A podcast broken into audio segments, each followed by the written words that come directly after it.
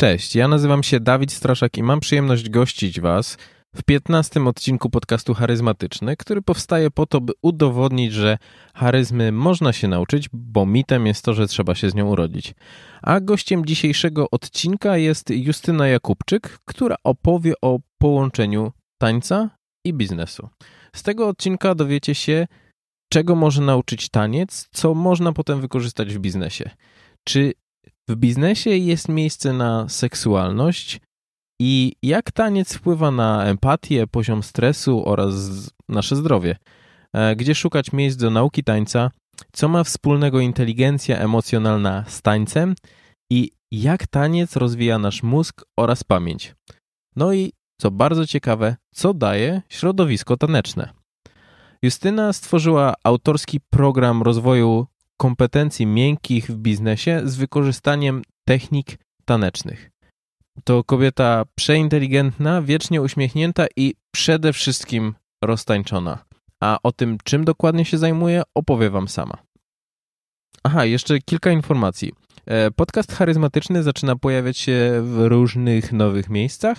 Jest na Spotify, powoli pojawia się na YouTubie, a z nowości na stronie dawidstraszak.pl pojawił się również newsletter, więc jeżeli chcecie dowiadywać się o odcinkach podcastu Charyzmatyczny, zanim dowie się o nich reszta świata, to polecam się zapisać.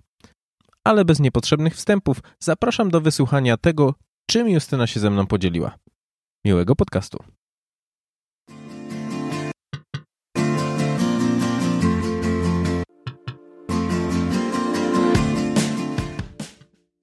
Witam serdecznie w podcaście charyzmatycznym. Bardzo miło, że, że wpadłaś, zwłaszcza, że przyjechałaś prosto z Warszawy. Tak, dzisiaj, dzisiaj prosto z Warszawy do Wrocławia, do mojego miasta, w którym mieszkam 10 lat, z mhm. którego się wyprowadziłam dokładnie rok temu do Warszawy. No proszę, no tak.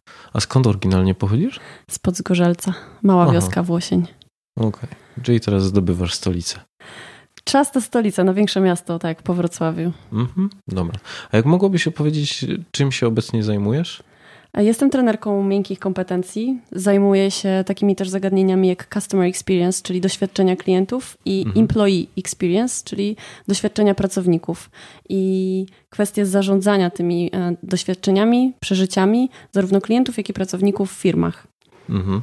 Ale jest, e, domyślam się, że dużą część Twojego życia zajmuje jeden aspekt, którym dzisiaj będziemy rozmawiać, czyli taniec. Tak, to jest moja największa pasja życiowa mhm. i teraz to jest e, też dla mnie taki element mojego życia, który przekuwam e, w biznes. Od niedawna postanowiłam połączyć e, dwa moje światy, w których się poruszam, czyli właśnie świat taneczny i świat biznesowy, świat korporacji, w którym też pracowałam jakiś czas. No i właśnie to jest to, jest to o czym chciałbym z Tobą porozmawiać, bo dla mnie ten temat jest wyjątkowo ciekawy, zwłaszcza z tego względu, że jest totalnie niespotykany, bo ja nigdy wcześniej nie słyszałem o tym, żeby łączyć taniec z biznesem, no poza takimi sytuacjami, że ktoś za, za, zakładał swoją szkołę tańca i wtedy mhm. jakby po prostu monetyzował tę e, tą, tą pasję, ale ty podchodzisz trochę inaczej do tego i w jaki sposób ty łączysz taniec i biznes? Mhm. Dla mnie taniec e, w tym kontekście jest narzędziem, które pozwala mi rozwijać innych, które pozwala mi szlifować ich miękkie kompetencje, mhm. czyli cechy ich osobowości, do tego, żeby przygotowywać ich do, do różnych ról, które mogą pełnić w organizacji. E, mogą to być role liderskie, menedżerskie, kierownicze, mogą to być e, role, różne kwestie związane z awansem po prostu, bo, bo żeby się rozwijać zawodowo, no to, to też ludzie mają na celu jednak awans na wyższe stanowiska, a do tego jednak oprócz wiedzy, oprócz doświadczenia ogromnie istotne są, są miękkie kompetencje, czyli pewność siebie, czyli autoprezentacja, czyli umiejętność rozmawiania z ludźmi, nawiązywania relacji, komunikacja interpersonalna, i wiele innych, o których pewnie dzisiaj będę opowiadała. Mhm.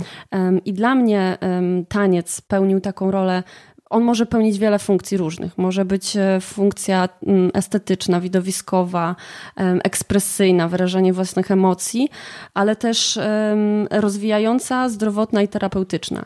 I to jest dla mnie ten wymiar tańca, którym ja się zajmuję, którym się zajmowałam od, czy właściwie się zajmuję od 6 lat. Od kiedy zaczęłam tańczyć, to też od razu, czy zaczęłam tańczyć 10 lat temu w ogóle, mhm. a od 6 lat e, uczę. I, I zawsze ten taniec to nie była tylko nauka kroków, e, muzyki, rytmiki i tak dalej, ale to przede wszystkim e, na zajęciach skupiałam się na tym, żeby uczyć kobiety, dziewczyny, e, bo takie zajęcia głównie prowadziłam. E, dancehall dla dziewczyn, jamański styl taneczny, mhm.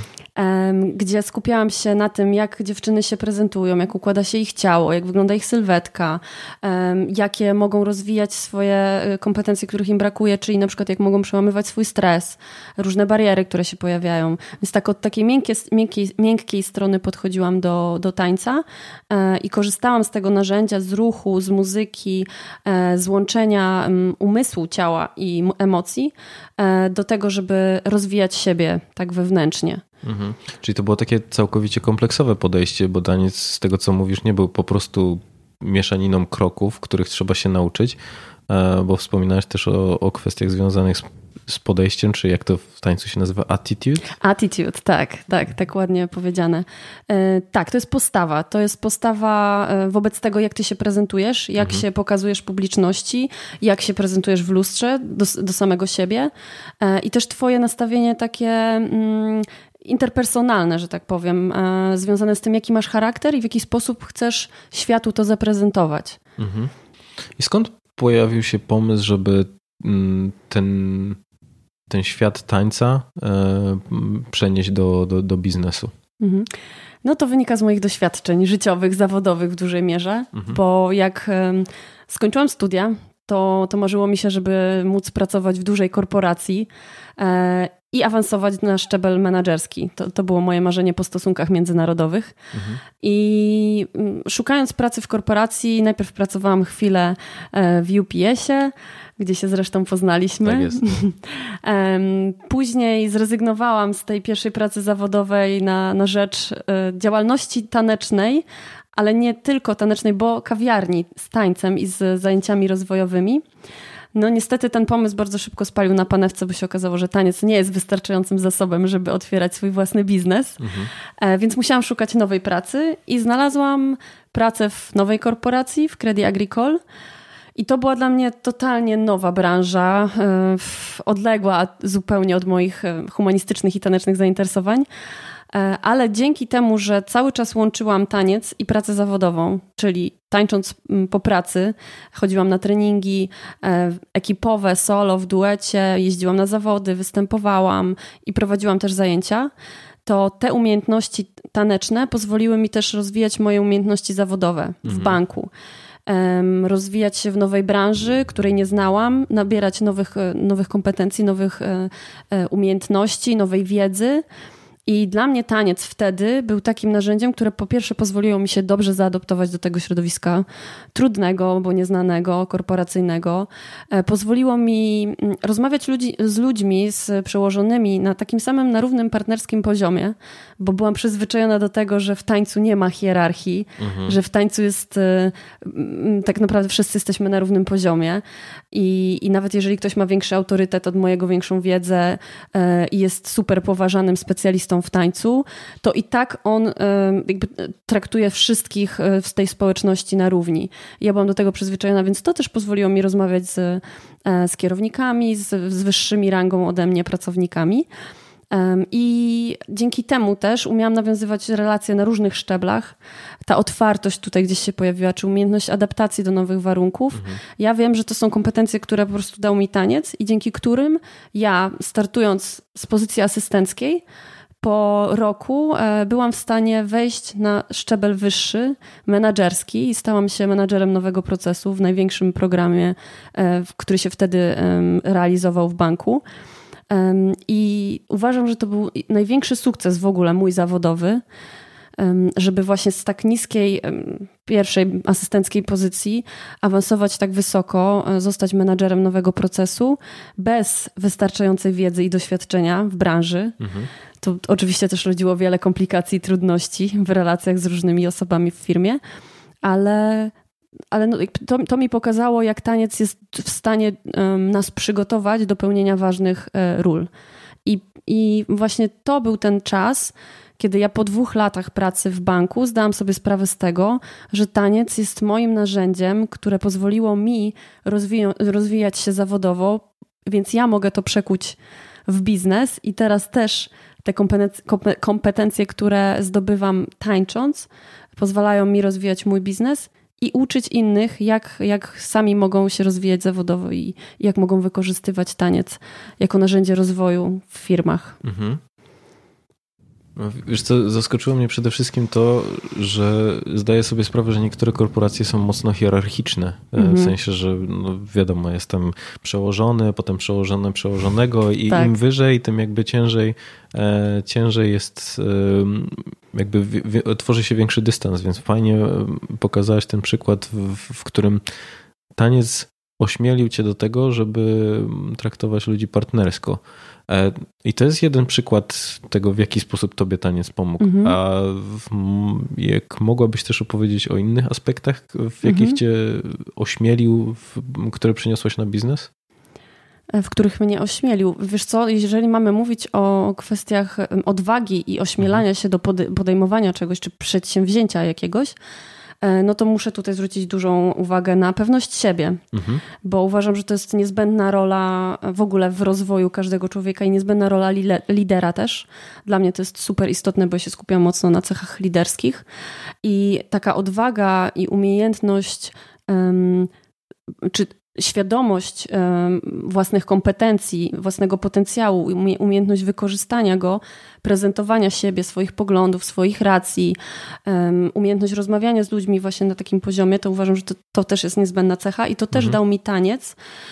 Ja wychodząc solo na przykład na treningach, e, które miałam w ekipie, którą poniekąd znałam, poniekąd były też tam nowe osoby bardzo często na treningach i robiliśmy na przykład ćwiczenia w kółku, gdzie trzeba było wyjść na środek i zaprezentować siebie tańcząc. Mhm. I to bardzo często właśnie była improwizacja, bo, mm, bo trener, trenerka nam puszczała muzykę i nie wiedzieliśmy, jaka muzyka za chwilę będzie, a trzeba było mhm. wyjść z tym potencjałem, który, z tym zasobem, który miałyśmy wcześniej, którego się nauczyłyśmy, z tymi krokami. Trzeba było wyjść na środek przed wszystkimi i się zaprezentować, zatańczyć. No i nie można było tego nie zrobić, no bo to już jest sytuacja spalona wtedy.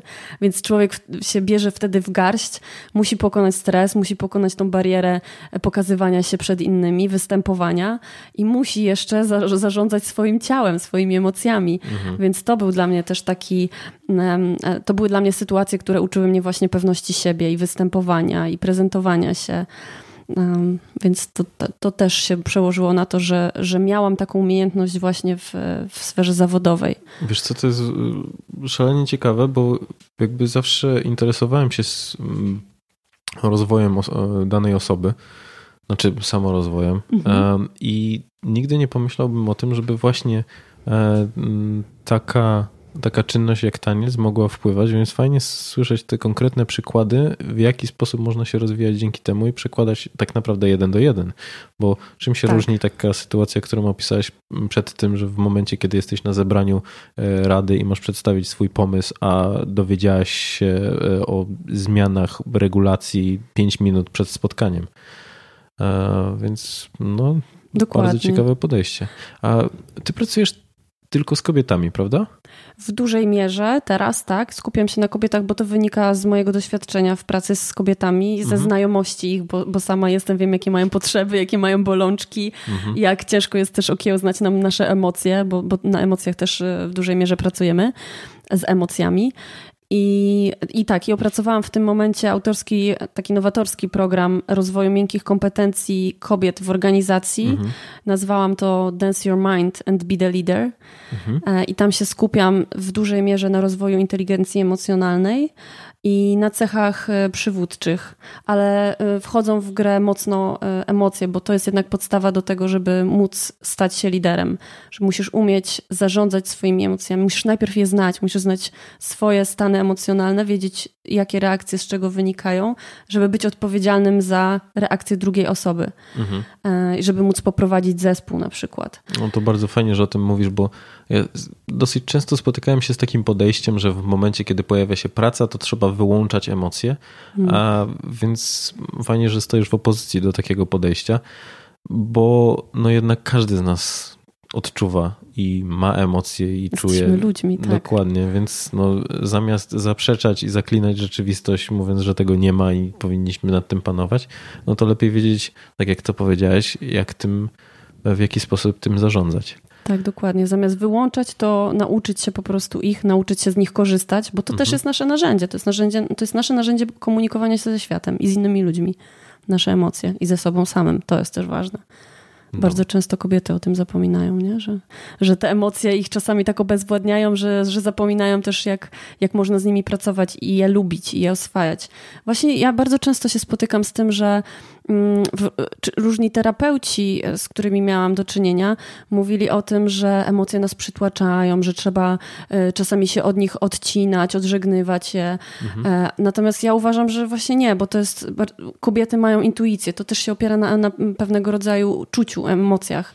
I bardzo fajnie jest się nauczyć tego, zobaczyć, jaka emocja, co nam pokazuje o nas I taniec też, czy w ogóle ruch jest e, takim sposobem wyrażania emocji, czy pracy z nimi, bo ja na przykład robię sobie takie ćwiczenia, kiedy mam smutek, czuję smutek w sobie, to się zastanawiam, co, co on wywołuje w moim ciele i w którym kierunku mnie pcha. Smutek jest taką emocją, która, która ciągnie cię do dołu. Nie mhm. wiem, czy też tak miewasz, czy to czujesz. W sensie zastanawiam się, mhm. czyli jakby w momencie, kiedy odczuwasz emocje, to zastanawiasz się, co ona spra- znaczy, co się dzieje w twoim ciele przez nią? To tak, zrozumiałem? tak, tak. Mhm. Co się dzieje w moim ciele i w jaki sposób ja też mogę z tą, albo z tą emocją sobie pobyć, sobie z nią porozmawiać, z, zapoznać się z nią i powiedzieć, ok, fajnie, że jesteś, mówisz mi o czymś, co jest dla mnie ważne, ja muszę to y, do tego podejść, zaobserwować to, zanalizować, co ty, co ty emocje od smutku chcesz mi powiedzieć i co mhm. ja mogę z tobą zrobić, bo być może ja już długo nie chcę z tobą być i, i wtedy na przykład takie są fajne ćwiczenia, gdzie stajesz, jak czujesz ten smutek, czujesz, że on cię przygniata do ziemi, to bierzesz oddech, pozwalasz mu się na chwilę przygnieść mhm. i potem możesz też to przekuć w inną emocję, albo w neutralną, która no jakby równoważy stan emocjonalny i ciało też, Albo możesz e, przekuć ją w radość. Radość jest taką emocją, która pcha do góry, gdzie chcesz skakać z radości. To samo mhm. to mówi o tym, że to jest taka emocja, która pcha do góry.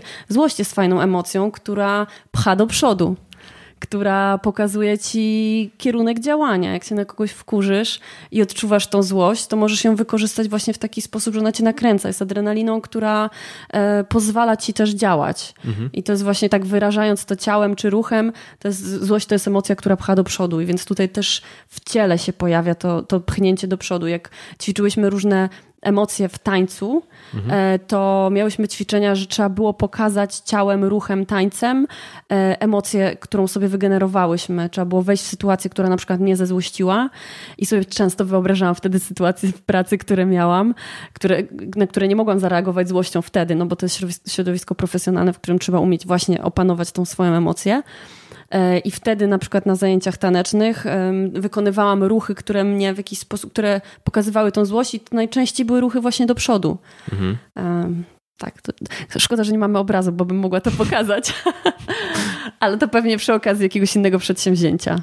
Dobra, a powiedzmy, że pojawiamy się na, na, na Twoich warsztatach i mhm. jak mogłabyś opowiedzieć mniej więcej, czego się spodziewać? Co, jakie ćwiczenia robisz i jak, jakich rezultatów tych ćwiczeń można się spodziewać właśnie w przełożeniu na, na takie codzienne życie mhm. czy biznesowe życie? E, tak, tak jak powiedziałam, w dużej mierze pracujemy w, przede wszystkim najpierw na emocjach, żeby poznać siebie i poznać drugą osobę, e, więc e, też trenujemy to, to, to, o czym ja powiedziałam teraz, ta praca z, z, ruchem, z emocjami. Natomiast bardzo fajnym ćwiczeniem na początek też jest ćwiczenie, które pokazuje pierwsze wrażenie, jakie wywierasz na innych osobach. Mhm. I to jest ćwiczenie, gdzie jeszcze się nie znamy w grupie, w której jesteśmy.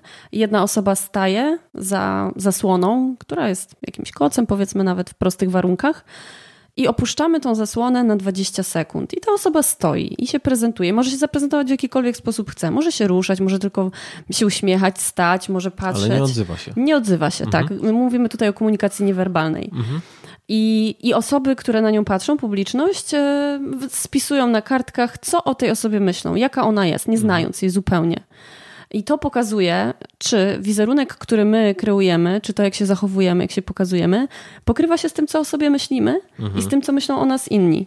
To jest bardzo ciekawe, to bardzo ciekawe są spostrzeżenia. Okazuje się, że bardzo często wyglądamy, czy zachowujemy się inaczej, niż byśmy chcieli. Mhm. Czyli tak konfrontujesz świat wewnętrzny z zewnętrznym tej osoby. Tak, mhm. dokładnie, fajnie to ująłeś. I okazuje się, że mm, bardzo ważne w tym momencie jest skupienie się na mowie ciała, która mm, mówi o nas więcej niż słowa. Mhm.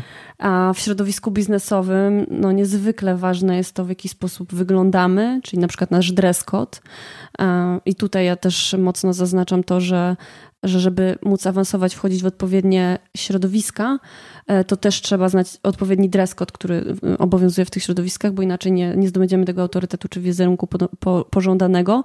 A druga kwestia, na jaką ja zwracam uwagę, to jest sposób poruszania się.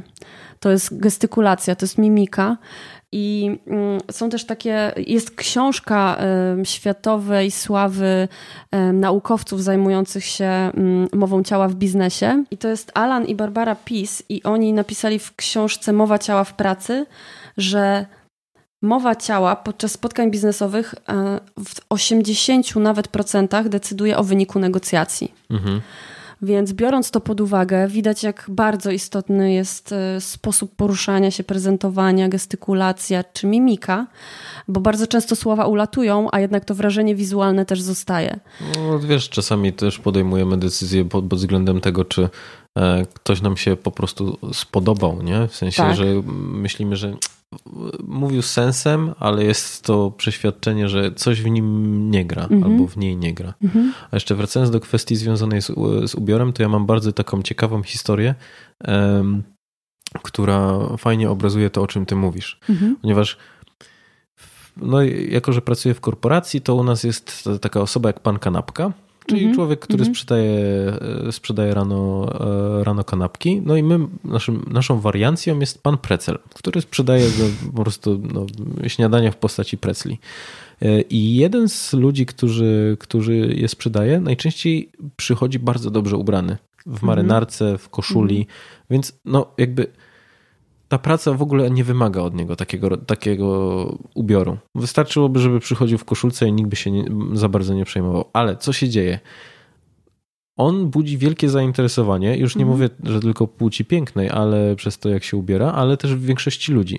I komentarze, z jakimi ja się spotykam najczęściej, to to jest, e, są takie, że facet ma wielkie ambicje, hmm. że e, jest za dobry na tą pracę. Mhm. I widzisz, to wszystko powstaje w obrazie, jaki on tworzy tylko i wyłącznie bazując na jego, na jego ubiorze. Bardzo ludzie, ludzie go praktycznie w ogóle nie znają, bo raczej no, rodzaj pracy nie, nie pozwala na to, żeby, znaczy jego rodzaj pracy nie pozwala na to, żeby wchodzić w, w głębsze relacje, tylko mhm. wiesz, zapłacić i, i, następny. No tak. E, więc no, to jak najbardziej potwierdza to, o czym ty wspominałaś. Czyli mhm. i mowa ciała, i kwestie związane z tym, w jaki sposób się ubieramy, no ma tak. ogromne znaczenie w biznesie. Jak najbardziej. I ja bym też do Twojej e, historii i sytuacji dorzuciła też swoją z korporacji, mhm. e, bo myślę, że takie przykłady jeszcze bardziej u, u um, przekonują ludzi, że faktycznie warto myśleć o tym, jak się zachowujemy, czy jak wyglądamy, czy jak siedzimy nawet. Mam, e, miałam taką koleżankę, która 9 lat już pracowała w banku i, i, i była naprawdę dobra w tym, co robiła w swojej specjalizacji. Miała ogromny potencjał, czy możliwości do tego, żeby awansować i zostać kierownikiem.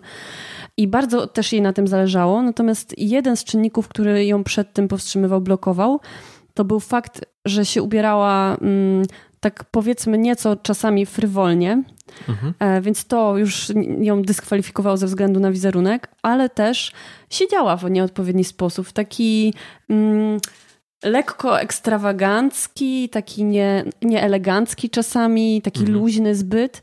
I ja słyszałam opinię o tym, jakby ja się nie, nie specjalnie zastanawiałam, dlaczego ona nie może awansować, ale jak przez chwilę się nad tym przypadkiem zastanowiłam, to w pierwszej kolejności jest to, to pierwsze wrażenie, ta mowa ciała, która dużo o nas mówi mhm. I, i gdzieś tam to otoczenie zwracało uwagę na to, że to jest osoba, która bardziej się jakby kwalifikuje do, ty, do tego poziomu, na którym jest, aniżeli do poziomu menedżerskiego, bo tam ludzie też wyglądają inaczej. Mhm. Więc to naprawdę ma ogromne znaczenie. Dlatego ja o tym mówię, fajnie, że się zatrzymaliśmy na tych sytuacjach, żeby, żeby może sobie kobiety też zdały sprawę z tego, że jednak warto zadbać o swoją wizualną stronę siebie, nie tylko wnętrze, bo bo to powoduje, że same jesteśmy w stanie podbić swój potencjał. Poza tym po prostu jak dobrze wyglądamy, jak się fajnie prezentujemy, to się dobrze ze sobą czujemy. I to mhm. się przekłada na całą resztę naszego funkcjonowania. Mhm. No i fajnie, że teraz doszliśmy do takiego, do takiej kwestii, bo to, o co chciałem cię zapytać w, w odniesieniu do tańca, to mhm. to, że dla mnie on poniekąd łączy się ze zmysłowością i mhm. nazwałbym to nawet seksualnością. Znaczy, na to najczęściej nie ma miejsca w biznesie, tak? Że my, my musimy tą, tą seksualność chować y, no właśnie za, za garniturem czy, czy elegancką garsonką. Więc w jaki sposób y, ty stawiasz tą granicę, ucząc ludzi właśnie te y, tańca i wyrażania mhm. siebie, żeby y, no właśnie nie dopuścić do tego, żeby ta zmysłowość w biznesie się pojawiała, jeżeli w ogóle y, stawiasz tę granicę. E, nie, no oczywiście. Powiem tak, tańcząc dancehall, jamański styl, który wywodzi się z gorącej wyspy, mhm. gdzie kobiety są bardzo wyzwolone, są bardzo frywolne też i prezentują siebie naprawdę często w bardzo skąpych strojach. E, w ogóle dancehall generalnie wiele twarzy ma. Ja mówię o dancehallu, bo ja się na tym wychowałam tanecznie, to są moje korzenie. Natomiast też tańczę, tańczę kizombę, elementy tanga, e, New Style Hustle to są tańce towarzyskie, gdzie już ten, ten e, styl, attitude też jest inny. Natomiast mówię o dancehallu, bo w momencie, kiedy zaczęłam e, pracować w korporacji, to jeszcze tańczyłam dancehall. I tam faktycznie, na przykład jak występowałyśmy na scenie, mm, to raczej miałyśmy kusę stroje i, i trzeba było ten seksapil też pokazać i tą zmysłowość, o której mówisz. I dla mnie zawsze mm, jakby tak naturalnie nawet wychodziła ta granica, bariera pewna, że ja muszę się dostosować do środowiska, w którym ja się poruszam. Mhm. Więc jeżeli w tańcu wiem, że mam być taka i mam się zachowywać czasami właśnie um, delikatnie, czasami kobieco, czasami zmysłowo, a czasami z pazurem, to tak, to tak robiłam, to ja się tego uczyłam. To jest trochę teatr, mhm. E, że musisz wchodzić w pewne role. I tak samo wchodząc w środowisko biznesowe, no musisz mieć świadomość tego, że ono funkcjonuje zupełnie inaczej, że ludzie cię postrzegają przez inny pryzmat. I automatycznie musisz do tego dostosować właśnie dress code, musisz dostosować do tego swój ubiór i stawiać granice pomiędzy światami, w których się poruszasz, dostosowywać się do środowiska, w którym żyjesz i pracujesz. No i e, oczywiście jak ja byłam m, mm, przez taniec, ja byłam taką osobą zawsze przebojową, czy jestem, mówię w takim przeszłym czasie bez sensu, bo jestem e, osobą raczej przebojową, otwartą i taką ekspresyjną mocno, mhm. więc e, ja też świadomie musiałam pracować nad tym, żeby czasami nie powiedzieć czegoś za dużo albo w inny sposób nie, niekoniecznie pożądany. E, I muszę przyznać, że na początku, jak zaczęłam pracować właśnie w banku, w ogóle um, Credit Agricole jest genialnym miejscem pracy. I będę o tym mówiła głośno, bo, e, bo warto zaznaczyć, że tam pomimo tego, że panuje um, pewien dress code, savoir vivre i tak dalej, to tam jest bardzo rodzinna atmosfera. I ja być może dzięki temu ja się też tam dobrze czułam, bo na początku jak przechodziłam właśnie z tego środowiska tanecznego na, na zawodowe, to musiałam trochę dostosować swoje, swoją garderobę mhm. i trochę przechodząc od tych luźnych e, ciuchów takich tanecznych, wejść w bardziej w, w, bardziej w eleganckie. I jednocześnie też musiałam dostosować swój charakter, swój styl bycia do tego. I gdzieś tam pojawiały się we mnie przez to, że byłam przesiąknięta tym światem tanecznym, jakieś takie zakusy, żeby, żeby tutaj może się do kogoś bardziej lepiej uśmiechnąć, żeby z kimś tak luźniej porozmawiać, ale jednak trzeba było troszeczkę dystansu takiego zachowywać, dopóki się te relacje nie pogłębiły i dopóki nie wiedziałam z kim, co mogę. Mhm. No ale no, totalnie odpada zmysłowość, seksualność, więc przede wszystkim moje działania w tym kontekście polegają na tym, żeby uświadamiać też dziewczyny, które być może nie są tego świadome, bo, bo to jest podstawa. Wiedza o tym, jak powinno się zachowywać w danym środowisku, no i jak to oddzielać. I, i powiem Ci, że tak, bardzo często nawet w środowisku tanecznym jest zarzucane tancerkom, że są zbyt zmysłowe, zbyt seksualne, że przekraczają pewne granice, pewne bariery. Mhm. No bo są sfery, które są zarezerwowane na scenę, są sfery, które są zarezerwowane na salę taneczną i są pewne sfery poruszania się ruchu, prezentacji, które są czy obcowania z innymi ludźmi, czy z innym człowiekiem, które są zarezerwowane tylko dla związków. Mhm. I wtedy hulaj dusza, wtedy możesz sobie być jaki chcesz, tak? I pokazywać każde jedno oblicze, jakie, jakie tylko masz.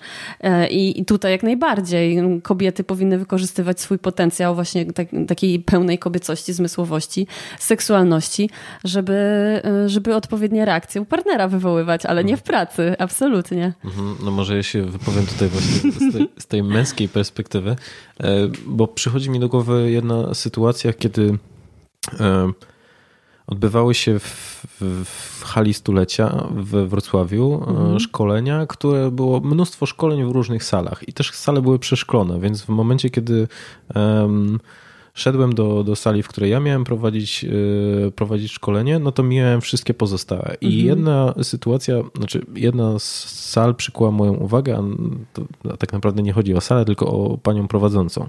I to, co przykuło moją uwagę, to właśnie taka pełna seksualność, czyli mhm. to, że mhm. ona była świetnie ubrana, ale przekroczyła tę granicę zbyt krótkiej sukienki, zbyt e, jakby takiego mm, zbyt dużego dekoltu. Mhm. I co ciekawe, ja się zatrzymałem i mm, żeby zobaczyć tak naprawdę o co chodzi.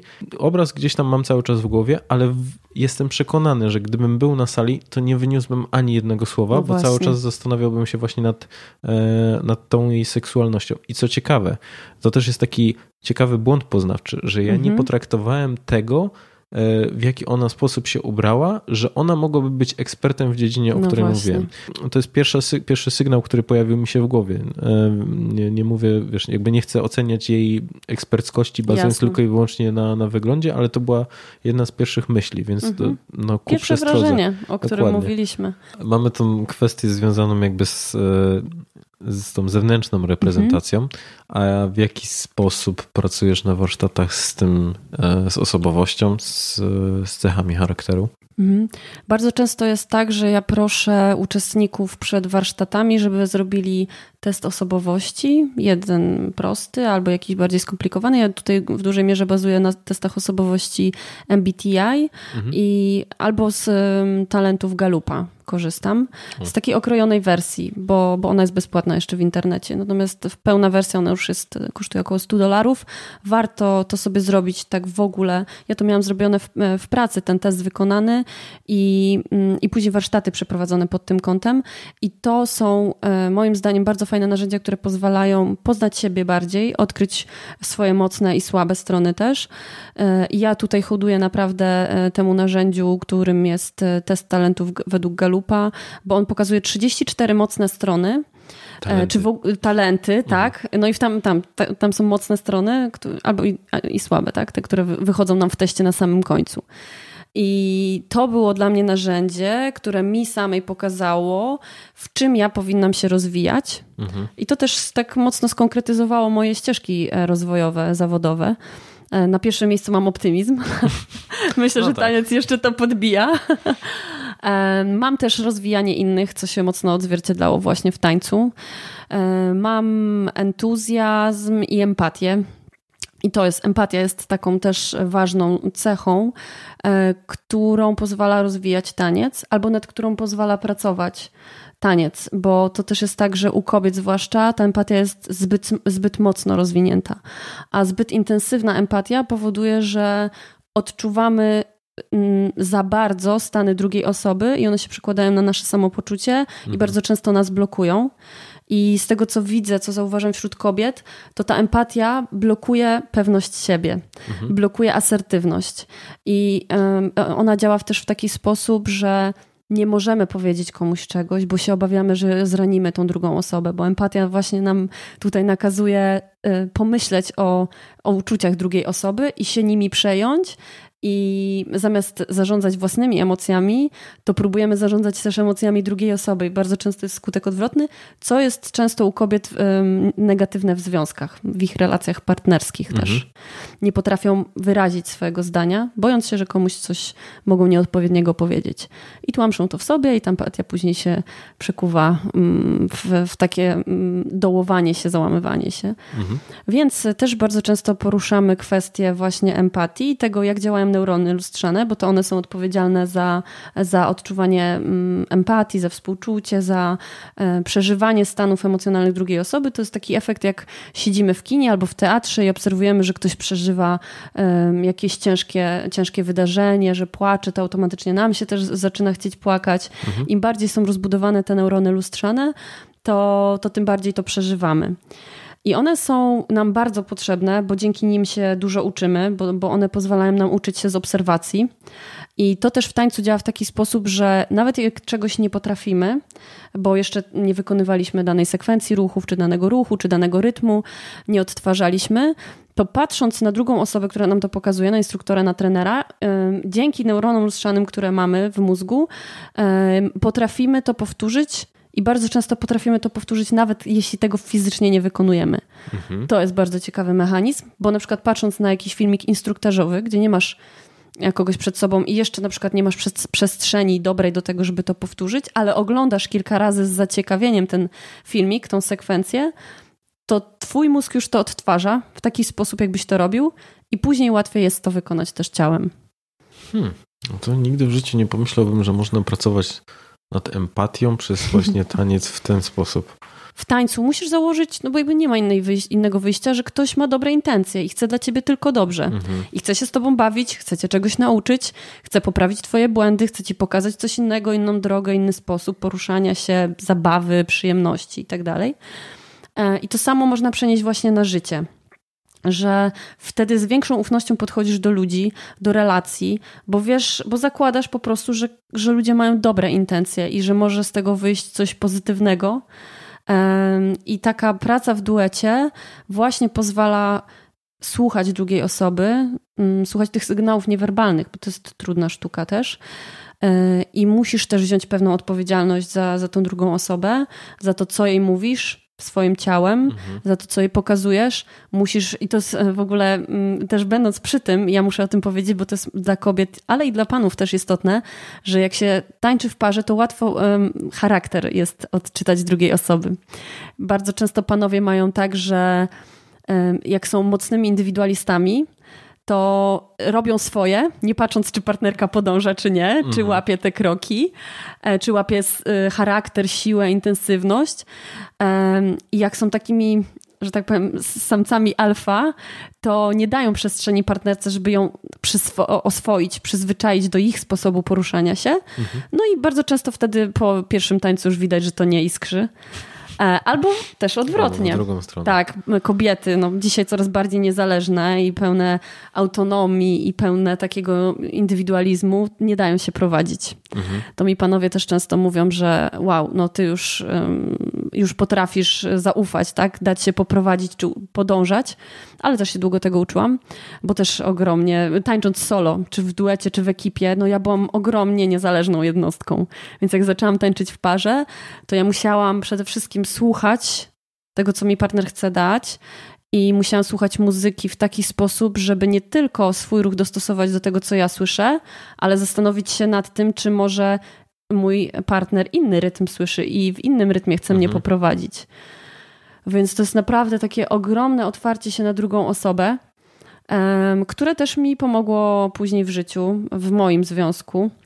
Ja sobie zawsze przekładam, robię kalkę ze świata tanecznego, z tego, co przeżywam i doświadczam w tańcu, na to, co, co mam w życiu na co dzień i prywatnie, i zawodowo.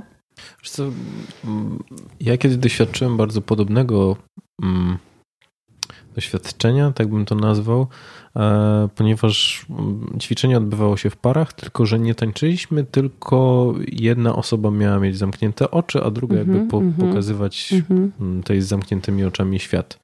I to, e, o czym wspominałeś, czyli jakby wymaganie takiego zaufania, czy wymuszenie możliwości zaufania drugiej osobie e, i, i pokazanie, że no, trzeba zawierzyć.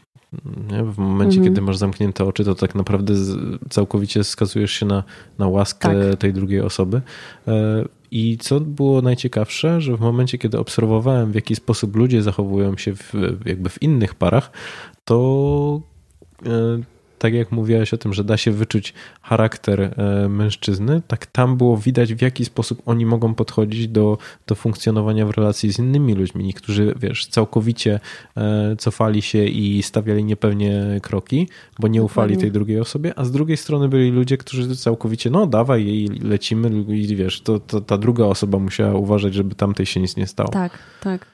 No, fajnie, że takie ćwiczenie miałeś do wykonania, bo to ja też bardzo często podobne ćwiczenia robię, gdzie y, trzymamy kontakt na przykład na rękach, na dłoniach, a ma, jedna osoba ma zamknięte oczy, tak jak mówisz, i, i ma się poddać prowadzeniu. Mhm. I y, te cechy tutaj fajnie wychodzą, takie przywódcze, ale mogą to być takie pozytywne cechy, gdzie ktoś bierze odpowiedzialność za drugą osobę i pokazuje jej, gdzie ma iść i dba o to, i tutaj się pojawia pewna troska, opieka i, mm, i takie no, mm, pokazanie, że okej, okay, to ja wiem, że ja ciebie mam poprowadzić, to daj mi się, odej mi się w moje ręce i ja zrobię to najlepiej, jak potrafię, słuchając tego, czy ty podążasz za mną, czy ja powinienem zwolnić y, rytm, czy przyspieszyć, czy mogę sobie pozwolić na mocniejszy ruch. Mhm. Albo się pojawiają takie jednostki, które mają taką cechę um, przywództwa. Um, nie wiem, czy ty znasz przywództwo według Maxwella. Tam jest pięć poziomów i to jest pi pierwszy poziom polega na tym, że jestem jednostką silną, e, indywidualną, za którą podążają ludzie, ale nie dbam mhm. o relacje. E, więc tutaj się pojawia coś takiego, że ja pokażę, co ja chcę zrobić, ja to wykonam, a czy ktoś za mną pójdzie, czy nie pójdzie, no to jest jego sprawa. Nie? To jest takie zrzucenie trochę odpowiedzialności z siebie. Mhm. E, więc to jest niepożądana cecha raczej przywództwa. To zależy. Mi się wydaje, że w takich e... sytuacjach kryzysowych mogłoby okay. się przydać. Tak, tak, tak. Okej, okay, to nie chcę generalizować. Faktycznie, mhm. to jest przywództwo, owszem, e, tak jak powiedzieliśmy sobie, natomiast no Ale właśnie ciężko ono nie... sobie wyobrazić taką sytuację, żeby bez nadania tej, tej władzy danej osobie, żeby ktoś właśnie podejmował decyzję. No ale dobrze, nie wchodźmy w... Dobra, tak, nie, bo tu już wjedziemy mocno no, w kwestie jasne. liderskie, biznesowe. Mhm. No i co, co dalej? E, co dalej a propos? W sensie, co dalej? No jakby to, to co no już sam, sam sobie powiedziałem. E, wiesz co, bo zastanawia mnie właśnie kwestia tego, w jaki sposób ty y, budujesz, bo, bo wracając do początku mhm. naszej rozmowy, ty mocno y, wspomin jakby naciskałeś na to, że ty budujesz te kompetencje liderskie, te przy, mhm. przywódcze. Mhm. Czyli domyślam się, że e, kobiety, które do ciebie się zwracają i jakby zapisują się na warsztaty, one jakby szukają w sobie tych e, umiejętności czy, czy, czy cech, nad którymi chciałyby pracować, żeby właśnie stawać się lepszymi liderami. No i teraz pojawia się pytanie, w jaki sposób ty to, ty to robisz? W jakich narzędzi używasz, żeby, żeby właśnie to, te umiejętności liderskie wydobywać i, i mm, jakby umożliwiać im rozwijanie mhm. ich? E, no to tak, właśnie tak jak wspomniałam, próbuję poznać ich potencjał na początku, czyli właśnie za pomocą tych testów osobowości. Jak już mniej więcej znam profil, to jestem w stanie na przykład też później dobierać e, osoby do grup, do, do czwórek, piątek, mhm. żeby się uzupełniały cechami e, i żeby pracujemy w grupach. Mamy do wykonania jakiś projekt, na przykład taki bardzo króciutki, który da się zrealizować podczas warsztatu, gdzie jest pewien zasób kroków, ruchów i z tego ma powstać powiedzmy mini spektakl e, taki 30-sekundowy. Mhm. Więc te grupy, powiedzmy pięć osób, dostają zestaw ćwiczeń, mają do tego muzykę, to jest ich zasób i mają pewien określony czas, w którym mają razem stworzyć mini dzieło. I to jest trochę tak jak w zespołach projektowych w pracy, że dobierasz sobie specjalistów z danych dziedzin, tak, na zasadzie pewnej powiedzmy komplementarności ich cech i umiejętności, ich wiedzy, doświadczenia i one, oni mają pewien swój zasób wiedzy, pewne narzędzia w, swojej pracy, na, na, których działają, czy tam jakieś programy, systemy i tak dalej e, i mają określony czas na wykonanie, na realizację tego projektu. I to jest tak, że mm, ja staram się dobierać te osoby tak, żeby, żeby uzupełniały się swoimi kompetencjami, ale to nie zawsze wychodzi, bo to w, w, trakcie pracy, w trakcie działań i tworzenia tego mini spektaklu wychodzi kto jaki jest, czego mhm. komu brakuje. I jak wyłaniają się jednostki, które automatycznie na przykład coś narzucają, e, czy umieją poprowadzić tą grupę, zabierają głos, wyznaczają ścieżki działania, e, wytyczają pomysły, czy rzucają pomysłami, no to wtedy mm, widać, że to jest ktoś, kto ma już jakiś potencjał na to, żeby stać się liderem, więc ja wyłuskuję sobie takie cechy i potem albo nad nimi pracujemy i je intensyfikujemy i rozwijamy, albo szukamy jeszcze takich braków kompetencyjnych, bo są na przykład osoby, które potrafią poprowadzić, pociągnąć za sobą ludzi, ale nie mają takiego zmysłu e, rzucania pomysłami, czyli takiego wizjonerstwa trochę. Mhm. I I wtedy na przykład dobieramy osobę do tego, że, czy, czy, czy, pracujemy nad tą kreatywnością danej osoby, żeby umiała uruchomić różne procesy w swoim e, umyśle, żeby łączyć różne, e, często niespójne ze sobą wątki i z tego budować coś innowacyjnego. E, mamy bardzo często też ćwiczenia na rozwój kreatywności, które. A to za chwilkę opowiem, bo tylko dokończę jeszcze no o, tym, o tym ćwiczeniu na, na, na tworzenie dzieła, na współpracę w grupie i budowanie pewnych relacji, więzi, które mają doprowadzić do tego, że zintegrowany w bardzo krótkim czasie zespół buduje taką synergię działania, że są w stanie e, przy tych ograniczonych zasobach czasowych i, i kompetencyjnych nie znając siebie wcześniej, mhm. stworzyć, stworzyć na koniec coś, co zaprezentują e, pozostałej części grupy. I to jest, mm, to akurat ta część warsztatu jest mm, realizowana zarówno z kobietami, jak i też będzie realizowana, bo jeszcze tego nie zaczęłam robić, e, w zespołach projektowych, bo to też jest mm, takim moim celem na ten moment, żeby te warsztaty rozszerzyć o kompetencje, które można ćwiczyć w zespołach projektowych, żeby zwiększać integrację, synergię, współpracę, mhm. żeby osiągać cel. To też, to też są takie narzędzia. A więc tutaj wykorzystuję i ruch, i różne zadania, które mają ci ludzie e, do wykonania, i muzykę, która wtedy towarzyszy. Więc oni mają się dogadać na poziomie werbalnym i niewerbalnym, a dzieło mają stworzyć i zaprezentować tylko i wyłącznie ciałem. Mhm. I to jest bardzo ciekawe, bo to, to, to, są, to, to jest środowisko biznesowe, które bardzo często nie ma za wiele wspólnego z tańcem. Więc żeby im wytłumaczyć to, że jest coś do przygotowania takiego, co, co, co totalnie odbiega ich, od ich rzeczywistości, to jest wyzwanie, ale to jest też zabawa. I ludzie bardzo często podchodzą do tego tak pozytywnie. Na początku są wycofani i nie wiedzą o co chodzi ale biorą to jako wyzwanie, pewne doświadczenie i jak zaczynają współpracować ze sobą, to każdy wnosi coś do tego zespołu, pojawia się iskra współdziałania i takiej energii pozytywnej, która nakręca tych ludzi i super fajne w tych zajęciach tanecznych jest to, że bazujemy na abstrakcjach bardzo często. Mhm. E, bo świat taneczny to jest świat budzący wyobraźnię, e, świat e, budzący totalnie, mm, czy, umożliwiający pokazanie wizji totalnie mm, odjechanych. Czy, czy to w teatrze, to jest bardzo widoczne, czy w spektaklach różnych tanecznych.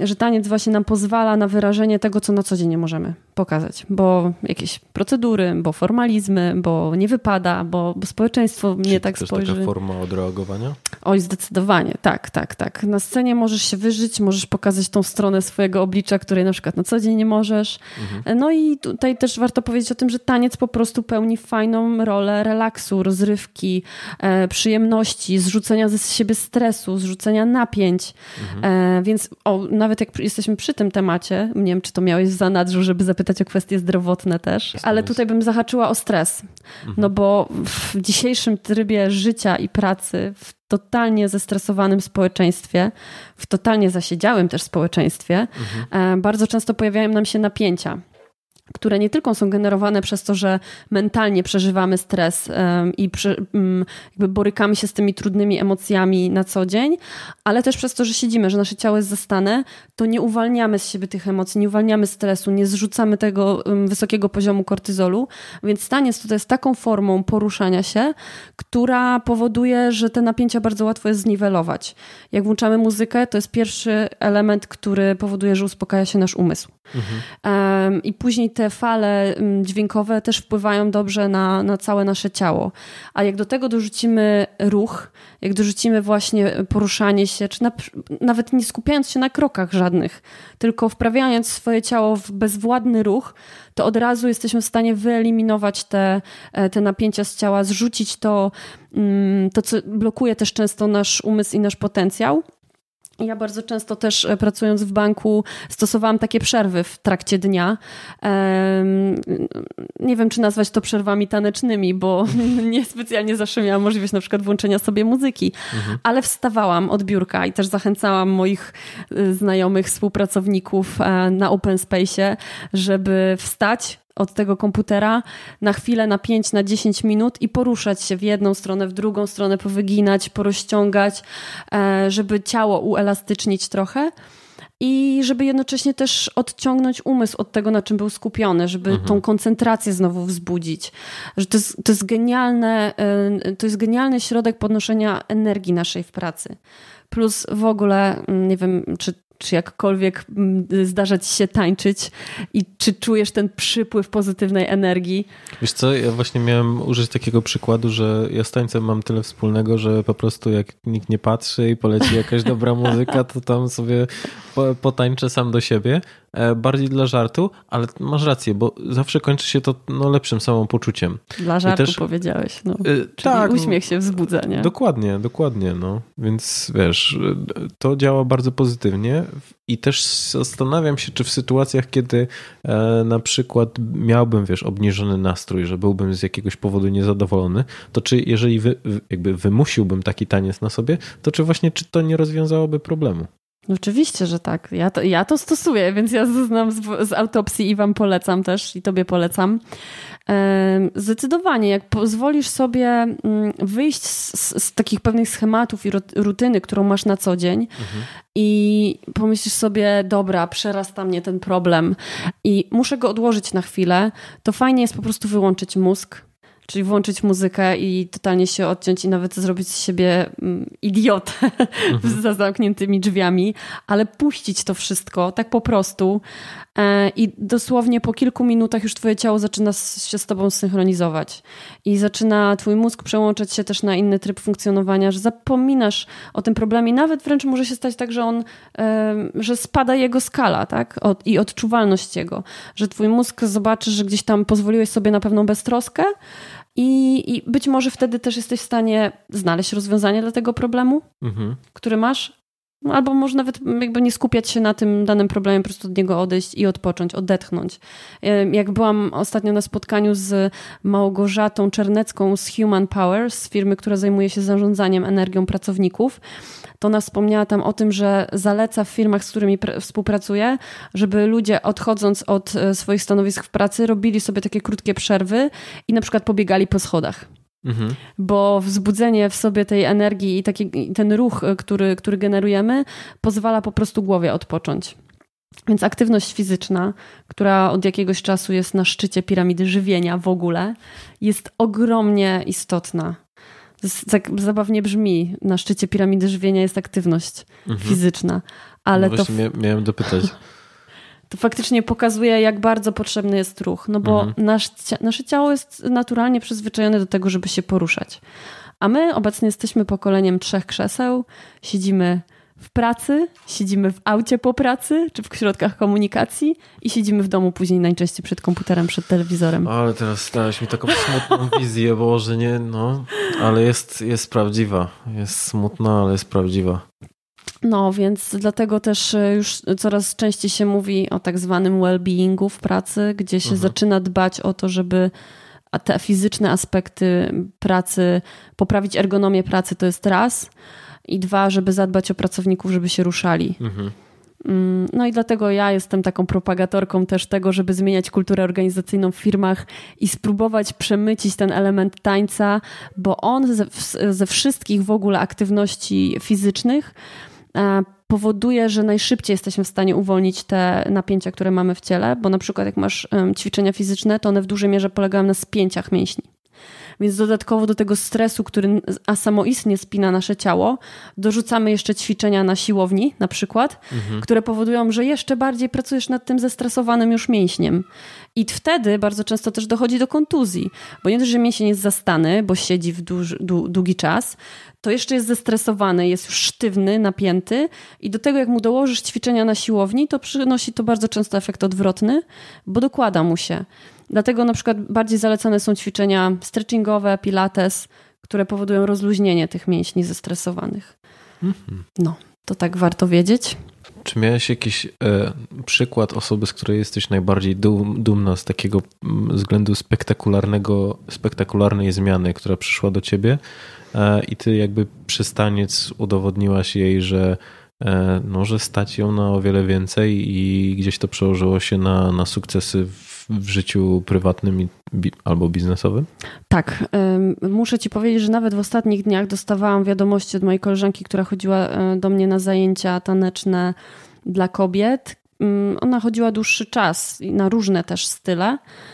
E, I napisała mi, że dopiero teraz, kiedy ja też dużo więcej mówię o tym, jak można przekładać taniec na różne inne sfery życia, to że sobie uświadomiła właśnie, że tak po pierwsze zajęcia taneczne pomogły jej odpalić w niej jej własną kobiecość. Polubić mhm. swoje ciało, polubić siebie, jak wygląda w lustrze, jak się porusza, popracować nad wyglądem, popracować nad sylwetką, nie garbić się, spinać e, trochę bardziej łopatki, ściągać, wyprostować się e, i wypiąć biust, bo to też jest przecież istotne, żeby popracować nad miednicą, nad biodrami, żeby nad gracją, wdziękiem i urokiem poruszania się też popracować. I to z kolei przełożyło się na to, że ona zaczęła lubić bardziej siebie, zaczęły się poprawiać w związku, przez to, że zaczęła sama doceniać siebie, to mhm. też jej partner zaczął dostrzegać te zmiany i wizualne, i mentalne. I mówi też, że poprzez właśnie ćwiczenia różne improwizacyjne, gdzie musiała właśnie wychodzić na przykład na środek i coś zaprezentować, czy dziewczyny jak się prezentowały w duetach, też ćwicząc jakiś układ, tak, i, i pokazując go reszcie grupy, to też przełamywała swój strach, lęk przed, przed wychodzeniem i pokazywaniem tego, co ma. Bardzo często dziewczyny w, w ruchu, w tańcu widać, jak one są spięte tak wewnętrznie, że zapada im się klatka, że się wstydzą. I, i kilka razy wyjście takie poza tą strefę komfortu i rzucenie się na pożarcie widowni, mhm. powoduje, że są w stanie zapanować nad tym lękiem w którymś momencie. I to z kolei przekłada się na to, że są w stanie na przykład bardziej asertywnie komunikować swoje potrzeby partnerowi. Gdzieś tam nie zawsze widać tą korelację, co z czego wychodzi, ale faktycznie to się przekłada na tą mm, samoakceptację, pewność siebie, umiejętność wyrażania siebie. Mhm. Czy to właśnie najpierw ciałem, komunikacją niewerbalną, a potem też werbalną. I, e, I nie dość właśnie, że powiedziała mi o tym, że poprawiła jej się sytuacja związkowa, to jeszcze do tego mówi, że um, jakiś czas temu, jak też zmieniła pracę, to łatwiej jej było wejść w nowe środowisko, odnaleźć się w nowej pracy, bo miała już tą odwagę wyniesioną właśnie z, z zajęć tanecznych. E, bo w ogóle jeszcze też bym wróciła nawet do takich aspektów, jak funkcjonuje mózg, kiedy tańczymy, i mm, generalnie jest tak, że im więcej ruchu, im więcej koordynacji i ruchów na prawo i na lewo, i do tego muzyka, która jest matematyką i porusza e, lewą półkulę, mhm. E, to ta koordynacja i, i, i ta rytmika e, wpływa na to, że synchronizują się nasze obie półkule. Prawa półkula odpowiedzialna za abstrakcyjne myślenie, za, za sztukę, arty, artystyczną sferę życia i tak dalej, łącząc, łącząc, łącząc pracę obu półkul, zwiększamy wydajność i efektywność nauki, przyswajania informacji, przetwarzania, żonglowania nimi, e, umiejętności analizowania i tak dalej. Poprawia się wyobraźnia przestrzenna mhm. i myślenie logiczne i też bardzo e, łatwo jest nam się adaptować do, do zmiany, do, do dynamicznego środowiska. Szybciej przyswajamy wiedzę. E, poprawia się plastyczność mózgu właśnie dzięki połączeniu ruchu, połączeniu sztuki, muzyki, e, czyli generalnie jak pracuje ciało, to pracuje też umysł. Mhm. E, więc naprawdę tutaj jest wiele też takich aspektów wpływających po prostu na nasz rozwój umysłowy i mm, mówiąc o tych cechach charakteru, warto mieć na uwadze, że po prostu, po prostu nasz mózg przestawia się na inny tryb funkcjonowania. Więc y, naprawdę tych korzyści z tańca jest tutaj jest masa. No i właśnie wracając jeszcze do tego przypadku, E, tej koleżanki, to, to łatwiej jej było zaadoptować się w nowym środowisku. Mówiła, że też była bardziej otwarta na relacje z innymi, mhm. z nowo poznawanymi osobami, e, bo właśnie mm, taniec, czy gdzieś tam poruszanie się w, wśród grupy pewnej, e, no wymusza na tobie w pewnym sensie, czy te ćwiczenia, które masz do wykonania, współpracę z nimi, czyli nawiązywanie relacji, budowanie tych relacji, więc to samo się przekłada na, na, wtedy na życie zawodowe i ktoś, kto jest świadomy tego, że można to przenosić, można w taki sposób wykorzystywać, no to też świadomie buduje mm, inną sferę swojego życia. Mhm. No dobra, to pójdźmy o jeden krok dalej. Mhm. Jak mielibyśmy ośmielić ludzi do tego, żeby mm, zaczęli pracować z tańcem, to może zacznijmy od tego, na co, co mnie by mocno ośmieliło. Czy, czy można źle tańczyć? Ja myślę, że nie, że to jest tak, że śpiewać każdy może, tańczyć każdy może, trochę lepiej, trochę gorzej. Mhm. I każdy z nas ma. Zobacz, taniec towarzyszył nam od zarania dziejów. To jest naturalna forma ekspresji, to jest naturalna forma komunikowania się z drugim człowiekiem. E, mówimy tutaj o takim tańcu pierwotnym, gdzie tak naprawdę był ruch ciała i jakieś tam dźwięki wydawane też e, przez nas samych albo przez pewne instrumenty, które były. Więc każdy z nas naturalnie to w sobie ma i w zależności też od społeczeństwa, e, kultury, w jakiej się wychowujemy, to jesteśmy bardziej w stanie tą ekspresję wyrażać ciałem i na przykład pozwolić sobie na Lucy tańczyć, tak jak to jest na przykład w, w, na, w tych kulturach e, śródziemnomorskich i czy w ogóle na zachodzie. To też jest sposób bycia inny, luźniejszy. W Polsce jeszcze ta bariera też wejścia w taniec, czy, czy pozwolenie sobie na jakąś taką frywolność nawet na ulicy mhm. taneczną, e, jest jeszcze takie troszeczkę nie do końca akceptowalne, miałabym, mogłabym powiedzieć e, z tego, co ja zauważam, z tego, co ja gdzieś tam też sobie, na co ja sobie pozwalam na ulicy. Natomiast e, każdy jest w stanie się nauczyć, po pierwsze, kroków prostych, podstawowych, po drugie, rytmu.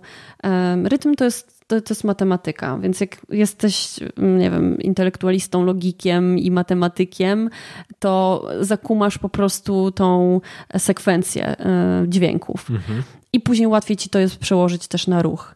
No i też kwestia tego, w jaki sposób ktoś tłumaczy, tak? Wyjaśnia te ruchy, jak włożyć ciało w muzykę, jak włożyć ruch w muzykę, jak e, pójść do przodu, do tyłu, e, do boku. Mm, fajne jest to, że jak się idzie na przykład na kurs do grupy początkującej, to wszyscy jesteśmy początkujący. To wszyscy jesteśmy na tym samym równym poziomie i wszyscy nie umiemy nic. Mhm. I tutaj od indywidualnych predyspozycji zależy szybkość przyswajania kroków. E, i umiejętności poruszania się, ale taniec jest genialny, bo pozwala na błędy.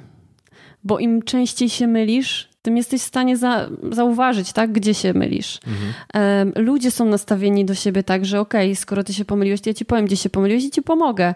Nauczę cię, pokażę ci. E, I ja, eksperymentując właśnie na sali tanecznej, popełniając różne błędy na sali tanecznej, czy później nawet na zawodach, na scenie występując, to, to miałam wtedy takie swoje środowisko eksperymentalne, i jak się zastanawiałam nad tym, oho, dobra, to taki błąd popełniłam, to coś powiedziałam, czy, czy zachowałam się nieodpowiednio, czy nieodpowiedni krok wykonałam, no to później mogłam nad tym popracować, a w życiu normalnym, w różnych sytuacjach wiedzieć, że pewne mechanizmy prowadzą do błędów i, i ich nie powielać. Mhm. Poza tym podejdźmy po prostu do tego jako do zabawy, do przyjemności. Niezadaniowo. Dokładnie, dokładnie. Więc skorzystajmy z tej funkcji rekreacyjnej tańca w pierwszej kolejności, bo ona nam pozwoli oswoić się ze środowiskiem, e, z otoczeniem, z, z, ze swoją niewiedzą, ze swoją niekompetencją taneczną, jeżeli startujemy, a dopiero później możemy sobie narzucać pewne zadania. Mhm. Dobra. I jeżeli ktoś chciałby się zastanowić właśnie, czy masz jakieś rady, jak wybierać szkołę tańca, albo jak hmm. szukać miejsc, w których moglibyśmy rozwijać właśnie tą umiejętność tańczenia?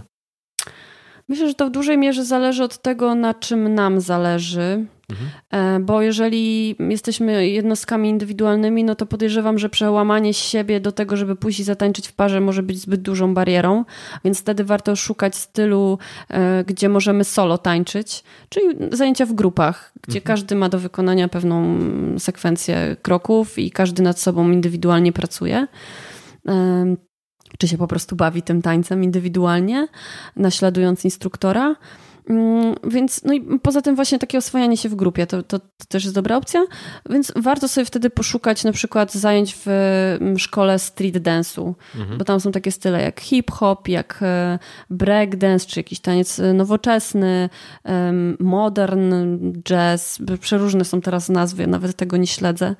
E, albo dancehall właśnie, polecam też we Wrocławiu, są szkoły, które się specjalizują akurat w dancehallu, albo szukać sobie, polecam też szkołę drugie piętro, bo znam ludzi, którzy, wywodzę się zresztą ze środowiska mhm. w dużej mierze street dance'owego, z którego technik, mechanizmów, narzędzi ja korzystałam ucząc się tańczyć, więc bardzo polecam autorytety taneczne z drugiego piętra, ze studia drugie piętro, albo jak ktoś ma ochotę po prostu pójść i potańczyć w parze, gdzie tańce w parze style mm, różne latynoamerykańskie na przykład, e, często tańczy się też e, w kole, indywidualnie i potem dopiero się dobieramy w pary i wtedy dopiero testujemy te kroki, których się nauczyliśmy sami e, na drugiej osobie. Mhm. I tutaj też bym polecała szkoły, które się specjalizują w tańcach towarzyskich. Jakieś takie tańce użytkowe na pierwszy rzut są dobre, gdzie możemy się nauczyć kroków prostych,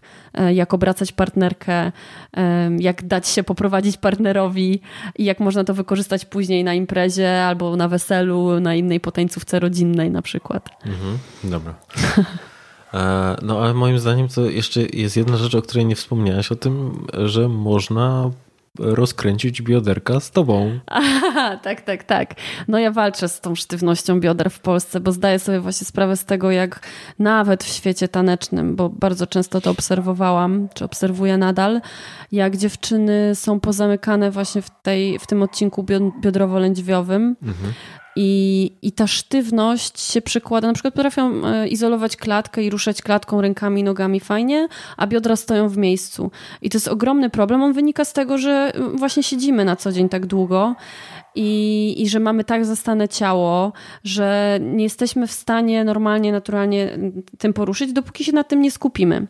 Więc ja mam taki program Hips Your Style, rozkręć biodra Czasami dodaję do tego i uwolnij kobiecość, mhm. bo uważam, że biodra no to jest epicentrum naszej kobiecości i musimy w pierwszej kolejności zadbać o to, głównie ze względów zdrowotnych, bo jak zaczynamy ruszać tymi zastanymi biodrami, gdzie są przykurcze powięzi, przykurcze mięśni, e, to też e, wpływa to na przepływ krwi w naszych żyłach. Mhm. I mm, właśnie taniec biodrami e, powoduje, że uwalniamy e, nie tylko tą energię i te napięcia, które mamy, ale też poprawia się krążenie naszej krwi, przez co narządy nasze wewnętrzne są bardziej ukrwione, unerwione i poprawia się ich praca.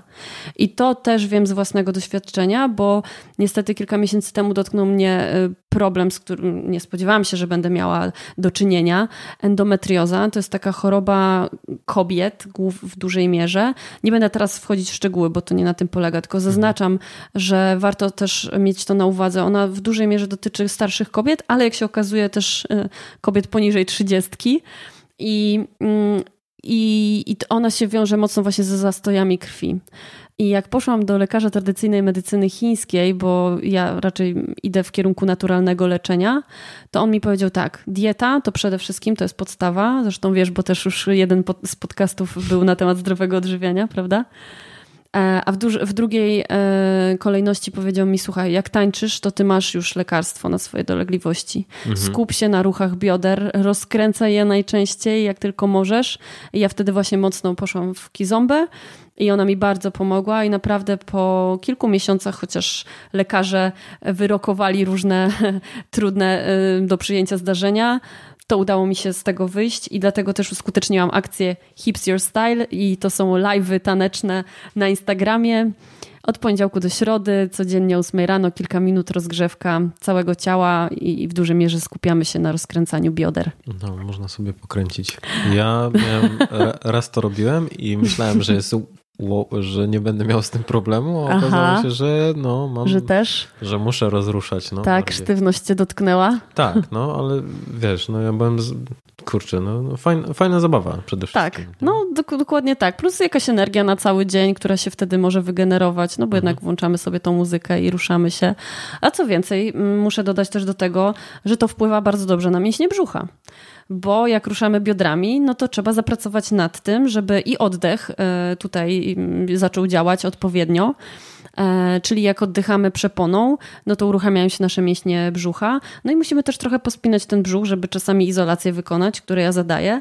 Więc tutaj naprawdę same korzyści, więc polecam. Mm. Wiesz co, zahaczyliśmy na początku o inteligencję emocjonalną mm -hmm. i to jest dla mnie dosyć istotny aspekt, więc jeszcze bym się chwilę nad tym zatrzymała. No właśnie, to jaka jest zależność inteligencji emocjonalnej właśnie, którą i, i tańca? Mhm. Powiem najpierw o samej inteligencji emocjonalnej. Mhm. Warto wiedzieć o tym, że oprócz intelektu mamy, czyli tego IQ, e, o którym się kiedyś tak bardzo dużo mówiło, mamy też EQ, czyli inteligencję emocjonalną, którą bardzo dobrze opisuje znany na świecie psycholog e, Daniel Goleman. I on tam mówi w swojej książce, że 80% osiągnięcia sukcesu jest y, determinowane współczynnikiem inteligencji emocjonalnej, czyli cechami naszej osobowości, czyli e, pewnymi predyspozycjami i charakterem, z którym już się rodzimy, ale który możemy szlifować przez całe swoje życie, tak jak mhm. charyzmę, możemy się tego uczyć. I e, tutaj warto powiedzieć sobie o tym, że inteligencja emocjonalna dzieli się na trzy wymiary. Mhm. I to są umiejętności takie emocjonalne, czyli um, samoakceptacja, samoświadomość, wiara w swoje możliwości, umiejętność wykorzystania swojego potencjału. E, później są umiejętności społeczne, czyli to, w jaki sposób się komunikujemy z innymi osobami, jak nawiązujemy relacje, jak się adoptujemy do środowiska, e, jak współpracujemy. Tutaj też w grę wchodzi e, i kreatywność, i improwizacja, i asertywność, i te wszystkie inne cechy, które wymieniłam wcześniej. Negocjowanie, bo to też jest umiejętność komunikacji zarówno werbalnej, jak i niewerbalnej. E, I kolejny taki ciekawy też wymiar to są umiejętności tak zwane prakseologiczne, czyli związane z naszym nastawieniem do wykonywania zadań. I to jest na przykład motywacja, to jak bardzo jesteśmy zdyscyplinowani i proaktywni i optymistyczni, jak wierzymy, wierzymy w to, że nasze działania przyniosą pożądane efekty.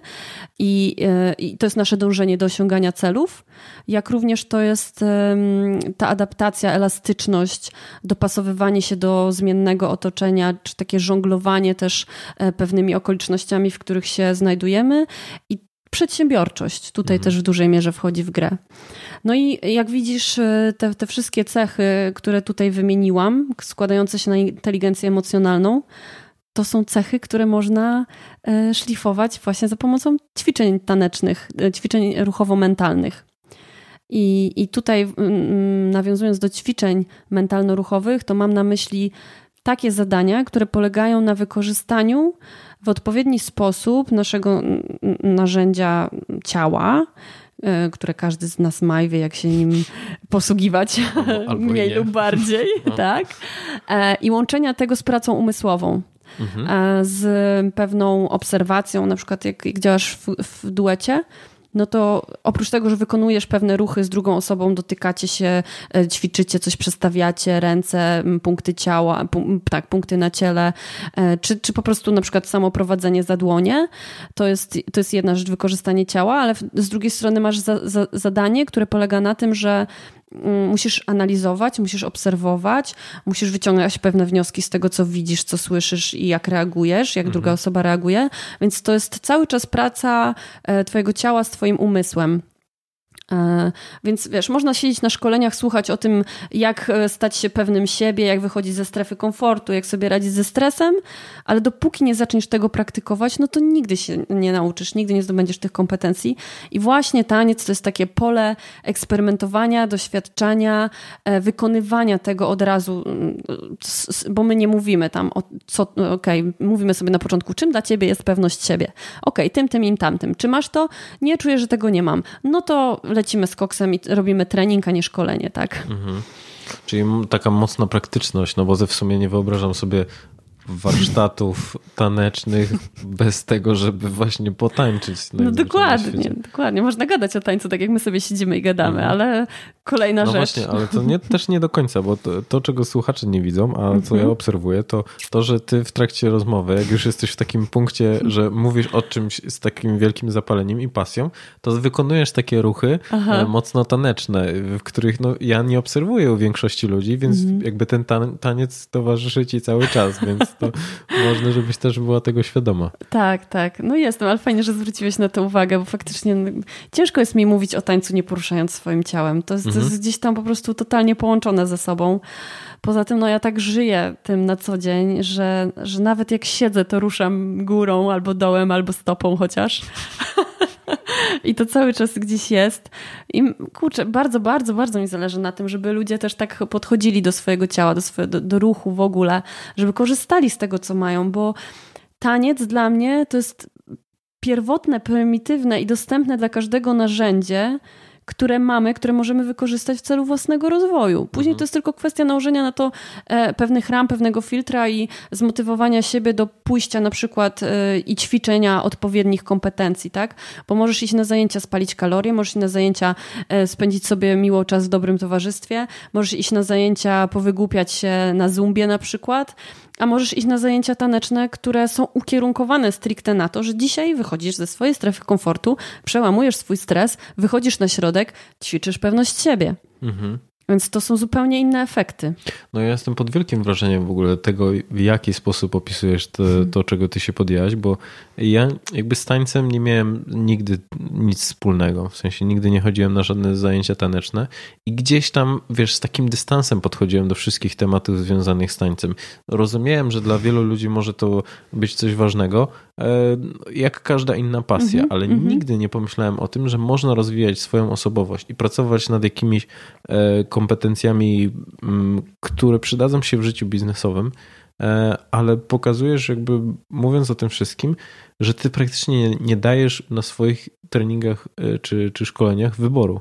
No bo po prostu rzucasz tych ludzi na głęboką wodę, e, bo skoro oni muszą tańczyć, no, tak. no to no, to jest dokładnie to, o czym ty powiedziałeś, że można iść na szkolenie i gdzieś tam wiesz siedzieć w ostatnim rzędzie i tak naprawdę większość akcji cię ominie, nie? No tak. I wyjdziesz z notatkami, które i, których i tak nigdy Ze zmarnowanym nie... czasem, który jest tak cenny. No, a ty po prostu domyślam się, że nie ma możliwości nie bycia zaangażowanym. No nie, no bo ja zakładam, że też ludzie, którzy się już decydują na moje zajęcia, to już w ogóle muszą podjąć pewną decyzję, która jest związana z odwagą, bo ja nie odpuszczam. Mm, kiedyś może gdzieś tam bardziej też pobłażliwie patrzą na dziewczyny, że dobra, one się zamykały, nie chciały, wstydziły się. Mówię, dobra, daj sobie czas, mm, oswój się i przyjdź, zrób to wtedy, kiedy chcesz. I okej, okay, ja to szanuję bardzo, bo, bo, bo też trzeba uszanować pewne mm, emocje, które się generują u drugiej osoby. Natomiast założeniem tych warsztatów jest to, że przychodzimy, praktykujemy, ćwiczymy i to jest dobry trening. I to jest trening, na którym się i można spocić, i można też y, wyćwiczyć swój umysł i swoje ciało i te kompetencje, o których mówiliśmy. I no, no nie ma tam zmiłuj się, bo tak samo jak sobie pozwolisz na, na odpuszczenie w swoim życiu codziennym pewnych rzeczy, no to nie osiągniesz efektu, nie osiągniesz swojego celu, oddalasz się od niego. Więc y, ja jestem taką bardzo pragmatyczną tutaj tancerką i, i staram się iść y, w stronę ogromnej praktyki, bo wiem, że to mnie doprowadziło też do, do sukcesów, które ja osiągnęłam.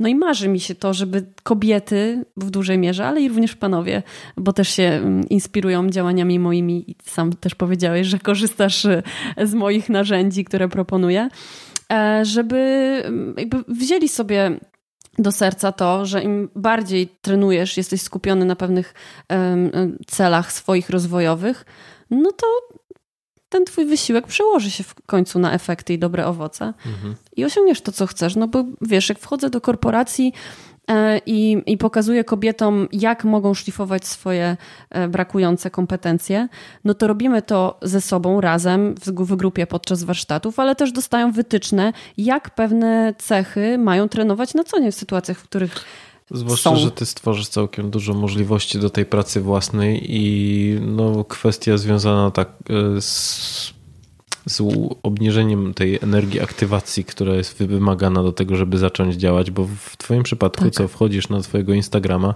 odpalasz sobie film z tym, żeby pokręcić bioderkami i no ciężko jest znaleźć wymówkę, że nie wiem jak, albo nie mam czasu, no bo to tylko 5 minut. Tak, no czy wiesz, ludzie bardzo łatwo znajdują wymówki, więc tutaj pewnie całą listę można by było wymienić. Mhm. I też słyszę od dziewczyn, że a, dobra, nie taka pogoda, tu trochę mnie bolą plecy, to może dzisiaj nie rozkręcę tych bioder. No, można, no ale z drugiej strony właśnie taki krótki shot. Jak ktoś raz to spróbuje i przełamie się i zrobi, no to zobaczy te pozytywne efekty. No i liczę na to, że to będzie ta motywacja do tego, żeby jednak to sobie e, fundować codziennie, bo to, to są drobne kroczki. To, są, mm, to jest metoda małych kroków, dzięki której codziennie jesteśmy w stanie w jakiś sposób szlifować e, to, do czego chcemy dotrzeć. Mhm. Dobra. Czy jest jeszcze jakiś obszar, o którym chciałabyś pogadać? E, wiesz co, ja tak jeszcze też nawiązując do naszych rozmów i, i tego, co ostatnio się pojawiło e, na, wokół Twojego podcastu i tej nauki niemieckiego, którą sobie założyłeś, mhm. to zahaczyłabym o to i nawiązałabym jeszcze do tego, co nam taniec y, daje, w jaki sposób może nam pomóc jeszcze z innymi kompetencjami, mhm. czy z umie innymi umiejętnościami, tak jak właśnie nauka języka. No dawaj, bo wszystko, co teraz może mi pomóc w tej, w tej nauce Bierzesz, języka, tak? to biorę w ciemno. To słuchaj, y, powiem ci też o pewnym eksperymencie, który przeprowadzono w Niemczech, mhm. który pokazuje, jak taniec rozwija mózg i pamięć. Otóż mm, na grupie tam 30 chyba osób około przez 18 miesięcy testowano w jednym instytucie zajmującym się neurologią, w jaki sposób aktywność fizyczna wpływa na rozwój mózgu i to, to akurat wybrano grupę starszych osób, u których już demencja następowała, więc regres w funkcjonowaniu mózgu. E, I podzielono tą grupę na dwie podgrupy. Jedna trenowała sobie różne ćwiczenia fizyczne, to były przeróżne aktywności, a drugiej grupie dołożono też style różne taneczne. Mhm. I się okazuje po tych 18 miesiącach, że osoby, które trenowały w tej grupie z tańcem, miały dużo bardziej rozwinięty hipokamp, czyli tą część mózgu odpowiedzialną za pamięć długotrwałą, za przenoszenie informacji z pamięci krótkotrwałej do długotrwałej. E, więc następuje lepsze zapamiętywanie e, przyswajanych informacji. E, I co jeszcze dodatkowym takim aspektem było to, że ci ludzie, jedni i drudzy się ruszali, jedni i drudzy wykonywali mm, fizyczny ruch, tak? Ale tańcząc, jesteś też łatwiej w stanie wytrenować swoją równowagę ciała. Mhm. Bo bardzo często zaburzany jest e, kierunek ruchu w tańcu, więc musisz wtedy bardziej pracować też swoim korpusem, zatrzymujesz tutaj równowagę, e, pracujesz nad tym, a jak masz równowagę cielesną, to też łatwiej o równowagę w umyśle. I, no i właśnie y, tak pokrótce mówiąc, y, jakie jest oddziaływanie tańca na mózg, możesz to wykorzystać, za, zacząć tańczyć, mhm. rozwijać swój hipokamp, który pozwoli ci łatwiej zapamiętywać słówka i później je wykorzystywać, bo jak są w pamięci długotrwałej, to, to one zostają już na długo. Ale myślę, że takie 5 minutek właśnie rozkręcenia bioder to jest y, dobry początek? Czy mhm. będzie w miarę wystarczające, czy to właśnie musi być, wiesz, godzina dziennie, takiego treningu zorganizowanego?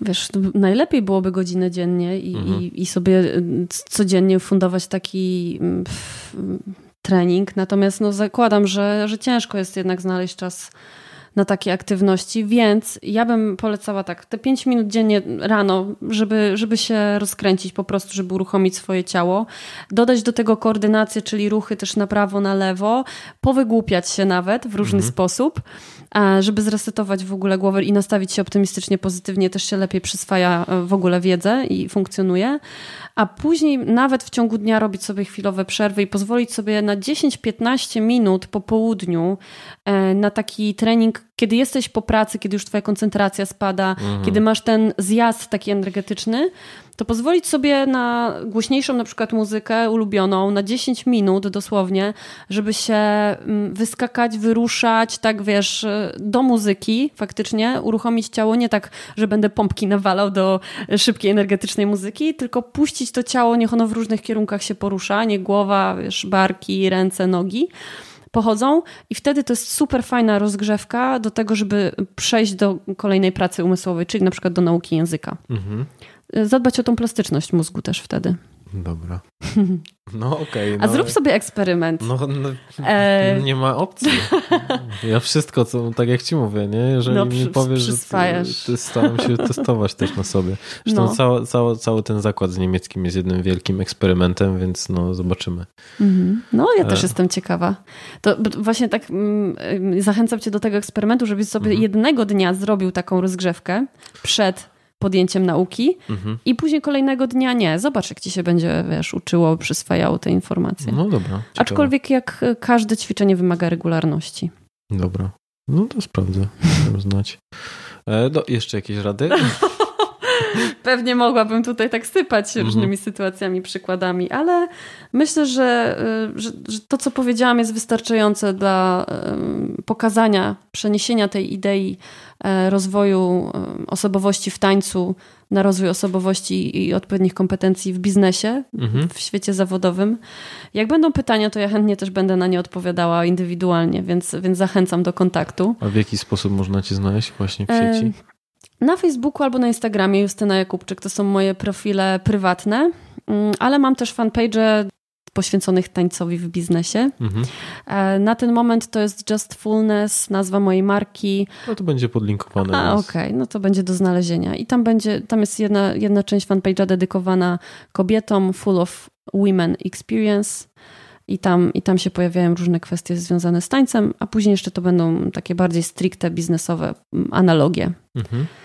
Wiesz co, wydaje mi się, że też jeszcze takim ważnym aspektem, e, znaczy z perspektywy osoby nietańczącej, e, to to, czego ja zawsze zazdrościłem ludziom, którzy tańczyli, to, to mm, towarzystwo, e, to ludzie, którzy najczęściej, no tak jak mówisz, minimum tańczy się w parze albo w większej grupie, e, więc e, no też to środowisko taneczne jest dosyć rozbudowane i różne ze względu na ludzi. I, mhm. i chciałem cię też podpytać o twoje doświadczenia dotyczące ludzi, z którymi ty jakby dzieliłaś te, te pasje. Tak, ja miałam ogromne szczęście, że trafiłam do ekipy kobiecej, dziewczęcej, która początkowo nosiła nazwę Pretty Wine Crew. I, I, to było kilka dziewczyn, które tańczyło dancehall, właśnie jamański tańc, kiedy on dopiero zaczynał się stawać popularny w Polsce. I później po dwóch latach wspólnego tańczenia, ja tam się dostałam z castingu, bo był specjalnie zorganizowany casting, nabór do grupy. E, ja po prostu chciałam się rozwijać, więc też zależało mi na tym, żeby trafić do osób, które, które też to robią na co dzień i razem z nimi e, się rozwijać. I udało mi się trafić do takich dziewczyn, które zaadoptowały trzy nowe dziewczyny z castingu. E, mhm. Na początku było trudno się dograć, ale no właśnie tak jak mówiłam, taniec jest, jest tak, taką sferą, która jednoczy ludzi i miałyśmy wspólny cel, więc łatwo było nam działać, żeby się zmobilizować e, i na przykład stworzyć choreografię. I to jest moja ekipa Fire Burning, obecnie. Zmieniłyśmy nazwę po dwóch latach, odeszłyśmy od naszej trenerki i postanowiłyśmy same działać. I to był genialny moment, kiedy e, wspólnie stwierdziłyśmy, że dobra, to teraz jest nowa era e, na, naszego tańca i chcemy sięgnąć po jakieś zwycięstwo. I mhm. wy, wybrałyśmy sobie zawody, do których chciałyśmy się przygotować. Miałyśmy bardzo krótki czas, żeby, żeby stworzyć to nasze dzieło ale zadziałał taki efekt właśnie współpracy i wykorzystania potencjału każdej z nas, bo każda z nas, było nas 10 w sumie, wniosła to, jak słyszy muzykę, do jakiej muzyki chce tańczyć, w jaki sposób się poruszać. Każda z nas przynosiła pewne kawałki choreografii, jak już ustaliłyśmy wizję e, te, tego naszego dzieła. E, I byłyśmy w stanie dopasować każdej z nas kawałek do tego, żeby on stworzył całość. I wyszło, wyszła rzecz genialna, bo po kilku latach próbowania swoich sił, na scenach tanecznych, na zawodach, na pokazach, Zawsze gdzieś tam dochodziłyśmy do finału albo do, no, gdzieś blisko podium byłyśmy, ale się nie udawało. I w tym momencie, kiedy nastąpił taki zew w nas, że musimy to zrobić i musimy się dogadać w krótkim okresie, a wiesz, że jednak trochę ciężko kobietom się dogadać, jak są cały czas razem, narastają emocje, mhm. gdzieś tam się pojawia mm, niezadowolenie, ciężko rozładować tą atmosferę, to byłyśmy tak, tak zdeterminowane i tak już zaprawione w boju, że udało nam się wypracować wspólnie e, choreografię, która zdobyła pierwsze miejsce na ogólnopolskich zawodach Dance Hall or Die, które były też eliminacjami do międzynarodowych zawodów. No to Dance Hall International. Dziękujemy. Ja muszę Ci powiedzieć, że to był taki moment przełomowy też w moim życiu, który mnie nauczył właśnie współpracy razem, wykorzystania tych talentów, które każdy, każda z nas miała inne. Mhm. I w ogóle dla mnie to było takie środowisko, które po prostu mnie rozumiało, z którym mi dobrze było przebywać na co dzień, gdzie mogłyśmy sobie żartować, być sobą, leczyć swoje rany wspólnie. I to było też środowisko dla mnie dziewczyny, będę to doceniała zawsze. Dały mi tyle ciepła, dobra i mocy do tego, żeby pokonywać też swoje trudności, z którymi się mierzyłam i w pracy, i w związku, bo też miałam trudne rozstanie i stany depresyjne wręcz. Mhm. I przychodziłam na te treningi, które były jedynym moim wybawieniem, żeby nie myśleć o tym, co, co przeżywam na co dzień i z czym się borykam. I tam pamiętam, jak siedziałam na treningach z zupą, y, łzy dławiąc, albo które mi ciekły do tej zupy i one siedziały wokół mnie i pierwsza część treningu była poświęcona temu, żeby mnie doprowadzić do odpowiedniego stanu, mhm. żeby mogła wstać i potańczyć. I te treningi naprawdę były po prostu remedium medium na, na bolączki, które przeżywałyśmy wspólnie. Mhm. To też ciekawe, jak powiedziałeś, że mm, mogłaś być tam sobą. I wydaje mhm. mi się, że właśnie taniec jest na tyle tak jakby obnażającym, że nie ma możliwości, żeby udawać, bo to bardzo szybko wychodzi, że człowiek nie jest jakby spójny w tym, co robi. E, więc fajnie, że też ty to odczułaś i, i to wpłynęło na wasze mhm. relacje później. Tak, zdecydowanie. Y, super, że zahaczyłeś o ten wątek autentyczności. Mhm. Tak, bo tak naprawdę w tańcu musisz pokazać swoje emocje, czy nie musisz, po prostu je pokazujesz. Im bardziej je pokazujesz, tym bardziej jesteś swój. Im bardziej um, potrafisz wykrzesać z siebie to, co gdzieś tam siedzi głęboko i pokazać to za pomocą różnych środków wyrazu, ruchu, twarzy, nie wiem, czy nawet oczami można tańczyć, niektórzy uważają, to, to, to, to, to, to pokazuje ciebie dokładnie. To, to z, znikają pewne bariery, które sobie często narzucamy, będąc funkcjonując w społeczeństwie w różne role wchodząc i możesz, możesz mm, wchodzić w, też w odpowiednie role na scenie i udawać kogoś innego, tam pokazywać na przykład, że ja jestem teraz silną jamańską kobietą, tak? Chociaż jestem Polką i tańczę sobie na polskich scenach czy na polskim parkiecie.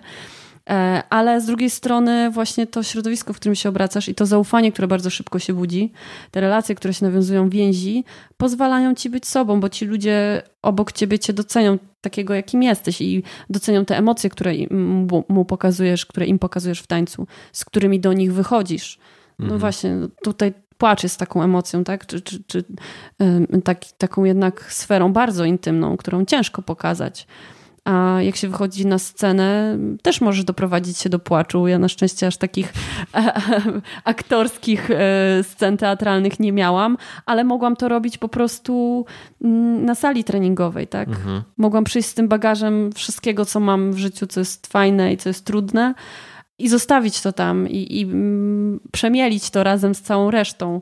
I przychodziłyśmy, bardzo często były treningi przegadane też, nad czym ubolewałyśmy, ale to z kolei powodowało, że nasze więzi się budowały i dzięki temu łatwiej, znając siebie wtedy, funkcjonując w grupie, znając siebie bardziej, takimi jakim jesteśmy, łatwiej jest nam się dogadać i od każdego wziąć to, co on ma najlepsze i z tego stworzyć właśnie e, coś razem. Mhm. To jest ale widzisz, no nawet czasami takie przegadane treningi myślę, że mocno wpływają na taką pracę zespołową w przyszłości bo coraz więcej rzeczy was wiąże i zdajecie sobie sprawę, jakby w jaki sposób współpracować. Też miałem tak. takie sytuacje, że, e, że wiesz, spotykałem się z ludźmi, w których byłem w jakichś grupach projektowych, gdzie każdy z nas wiedział, co mamy zrobić, ale spotykaliśmy się, żeby tylko pogadać. Mhm. I to było, żeby potem nam się lepiej współpracowało w przyszłości, a każdy wiedział, jakie zadanie ma do, do, wykonania. No dokładnie, to jest ta integracja, to jest ta synergia też, o której e, wspomniałam, która wynika z tego, że się znamy, lubimy e, i też bardzo często burze mózgów, które, które się na przykład mm, uskutecznia, mhm. wymyślając idee, wymyślając rozwiązania, rzucając abstrakcyjnymi pomysłami e, i, i to one, mm, im kogoś bardziej znasz i lubisz, to tym łatwiej jest rzucać te głupie pomysły. Więc te burze mózgów też mają wtedy lepszy efekt, są skuteczniejsze. E, I też tak króciutko jeszcze wspomnę o tym, że jest genialne ćwiczenie na, na budzenie kreatywności, e, jak się razem współpracuje i, czy w parze na przykład i mówisz o swoim pomyśle, y, mówiąc, trzymasz w ręku nawet pilota, zwykłą rzecz i mówisz o tym, w jaki sposób można go zastosować, taki bardzo absurdalny, tak? Że od, odcinasz się od jego naturalnej, podstawowej funkcji i mówisz, co z tym pilotem byś zrobił. Mhm. E, a druga osoba odrzuca to. I tak ty kilka razy próbujesz różne pomysły generować, a ta druga osoba ma za zadanie to odrzucać, czyli mówi nie. nie, nie, bo coś tam, krytykuje. No i, no i pytanie, jak się czujesz wtedy? Czy jesteś w stanie generować te pomysły, się nimi jarać i rozwijać je, czy nie? Czy gasi w tobie ten, te, wtedy tą zajawkę kreatywną? E, kolejna część tego ćwiczenia polega na tym, że mówisz tak i. Czy, czy, czy ty, ty opowiadasz o pomyśle, a druga osoba ci odpowiada e, nie tak i. Najpierw jest tak ale, czyli jest pomiędzy tą totalną odmową a akceptacją. Mówisz tak, ale coś tam, pokazujesz bariery, pokazujesz negatywną stronę pomysłu, czyli de facto też go odrzucasz. No i kolejna, trzecia część to jest e, wtedy, kiedy ty mówisz o danym pomyśle, swoim kolejnym e, abstrakcyjnym, absurdalnym i ta druga osoba mówi tak, i coś tam, i możemy go rozwinąć w taki inny sposób, tak, i. I tu od razu się pojawia też nawet taki optymizm pewien, czy, czy ta siła ekspresji powoduje, że, że nieodrzucony pomysł, nieskrytykowana idea może się przerodzić w coś naprawdę genialnego, bo wtedy jest współpraca e, niezaburzona odrzuceniem. Mhm. Dobra. A powiedz mi, czym dla ciebie jest charyzma? Charyzma dla mnie ma wiele wymiarów pewnie i aspektów. Przede wszystkim dla mnie to jest taka umiejętność, taka cecha e, osobowości, która pozwala wywierać wpływ na ludzi, czyli mhm. zachęcać ludzi do tego, żeby byli skłonni na przykład do przejęcia pewnych moich poglądów czy jakichś moich wartości, e, że będę potrafiła na przykład, mając charyzmę, przekonać ludzi do mojej idei, mhm. E, czy będę taką osobą, mówiąc o sobie jako osobie charyzmatycznej, już tak trochę przeszłam, mam nadzieję, mhm. że, ja, że ja tą charyzmę mam, bo też nad tym pracuję że to jest nawet, powiedziałabym, poniekąd naturalna taka skłonność do, e, do tego, żeby mm, nawiązywać relacje i odpowiednie relacje budować i odpowiednio je prowadzić, mhm. osiągać cele. E, też, czy, czy umiejętność osiągania swoich, e, swoich celów, ale też taki błysk w oku, taka umiejętność, która, e, czy, czy cecha, która pozwala zainteresować drugą osobę, zaintrygować drugą osobę, żeby, żeby pokazać tą, tą przebojowość um, swojego charakteru, żeby zauroczyć tłum, mhm. który za tobą podąży. Ale też słuchałam Twojego podcastu ostatnio i spodobała mi się część, która mówi też o wizjonerstwie, o charyzmie wizjonerstwa, bo tak, rzucanie pomysłami, idee i tak dalej, ale też o dobroci, tak? Tam mhm. było o uważności. I ja uważam, że to jest naprawdę, no charyzma dla mnie to jest w ogóle naczelna cecha przywódcy lidera. E, I mm, moim zdaniem taki dobry lider powinien być serdeczny, dla ludzi dobry, powinien umieć słuchać, właśnie z empatią podchodzić, zrozumieć, e, pokierować rozwojem, pokierować, e, nie wiem, ludzi, którzy są gdzieś tam zagubieni na przykład, tak? Mhm. Wziąć pewną odpowiedzialność taką społeczną nawet na siebie. Poniekąd. Dokładnie, żeby to nie był ten człowiek, y, którego określałeś gdzieś tam na, w, w środku naszego wywiadu, że to jest ja będę robił tak, a czy wy pójdziecie za mną, czy nie, no to wasza sprawa. Tak, dokładnie. No więc dokładnie. też jestem zdania, że to są ludzie najczęściej pozbawieni charyzmy albo jakoś tak w dziwaczny sposób próbujący jej używać. Ale e, słuchaj, ja ogólnie się cieszę, że, że wpadłaś, bo no, otworzyłeś mi oczy właśnie na na obszar rozwoju, jakim może być, jakim może być taniec. I tak jak wielokrotnie Ci mówiłem, ja trzymam mocno kciuki za Ciebie, bo wydaje mi się, że pomysł jest na tyle rewolucyjny, że będziesz mogła zawojować świat. E, znaczy, no, na pewno Polskę, a potem świat gdzieś tam z czasem. Tak. Więc, więc życzę powodzenia, więc jeszcze raz dziękuję, dziękuję że, że wpadłaś. Dziękuję. To są miłe słowa też takie budujące i, i, wspierające, bo jednak zdaję sobie sprawę z tego, że ta idea, tak jak mówisz, jest rewolucyjna, bo, bo może być w bardzo różny sposób odbierana i postrzegana, zwłaszcza w świecie biznesowym, który często jest sztywny na takie mhm. innowacyjne podejścia, nieformalnego wykorzystania narzędzi e, innego, czy, czy e, tak, wykorzystania nieformalnych narzędzi rozwoju. Mhm ale y, głęboko wierzę w to, że zaczyna się trochę nasza mentalność i świadomość pracodawców poprawiać też i wykorzystują już um, takie wyjątkowe, powiedzmy, formy um, doszkalania pracowników, um, gdzie improwizacja też się pojawia w biznesie, taka teatralna stricte. Więc liczę na to, że również mój pomysł będzie miał w którymś momencie wzięcie. I im więcej nas tańczy, im więcej nas e, świadomie podchodzi do tego, żeby korzystać z tańca i rozwijać siebie w różnych sferach, to myślę, że też tak, że łatwiej będzie tą ideę implementować. Mhm. Więc tym bardziej zachęcam wszystkich, żeby, żeby pomogli mi e, z tą ideą iść w świat biznesowy. Okej, okay, super. No to powodzenia. Dziękuję. Ale zanim zaczniecie rozkręcać swoje bioderka, to chciałbym Wam serdecznie podziękować za to, że wysłuchaliście całego odcinka. I e, przypominam o tym, że jeżeli chcecie być z podcastem charyzmatycznym na bieżąco, to polecam też obserwować mnie w social mediach, na Facebooku, na, na LinkedIn, na Instagramie. No i to wszystko. Więc e, do usłyszenia w następnym odcinku i jeszcze raz dzięki za, za Waszą obecność. Do zobaczenia, cześć.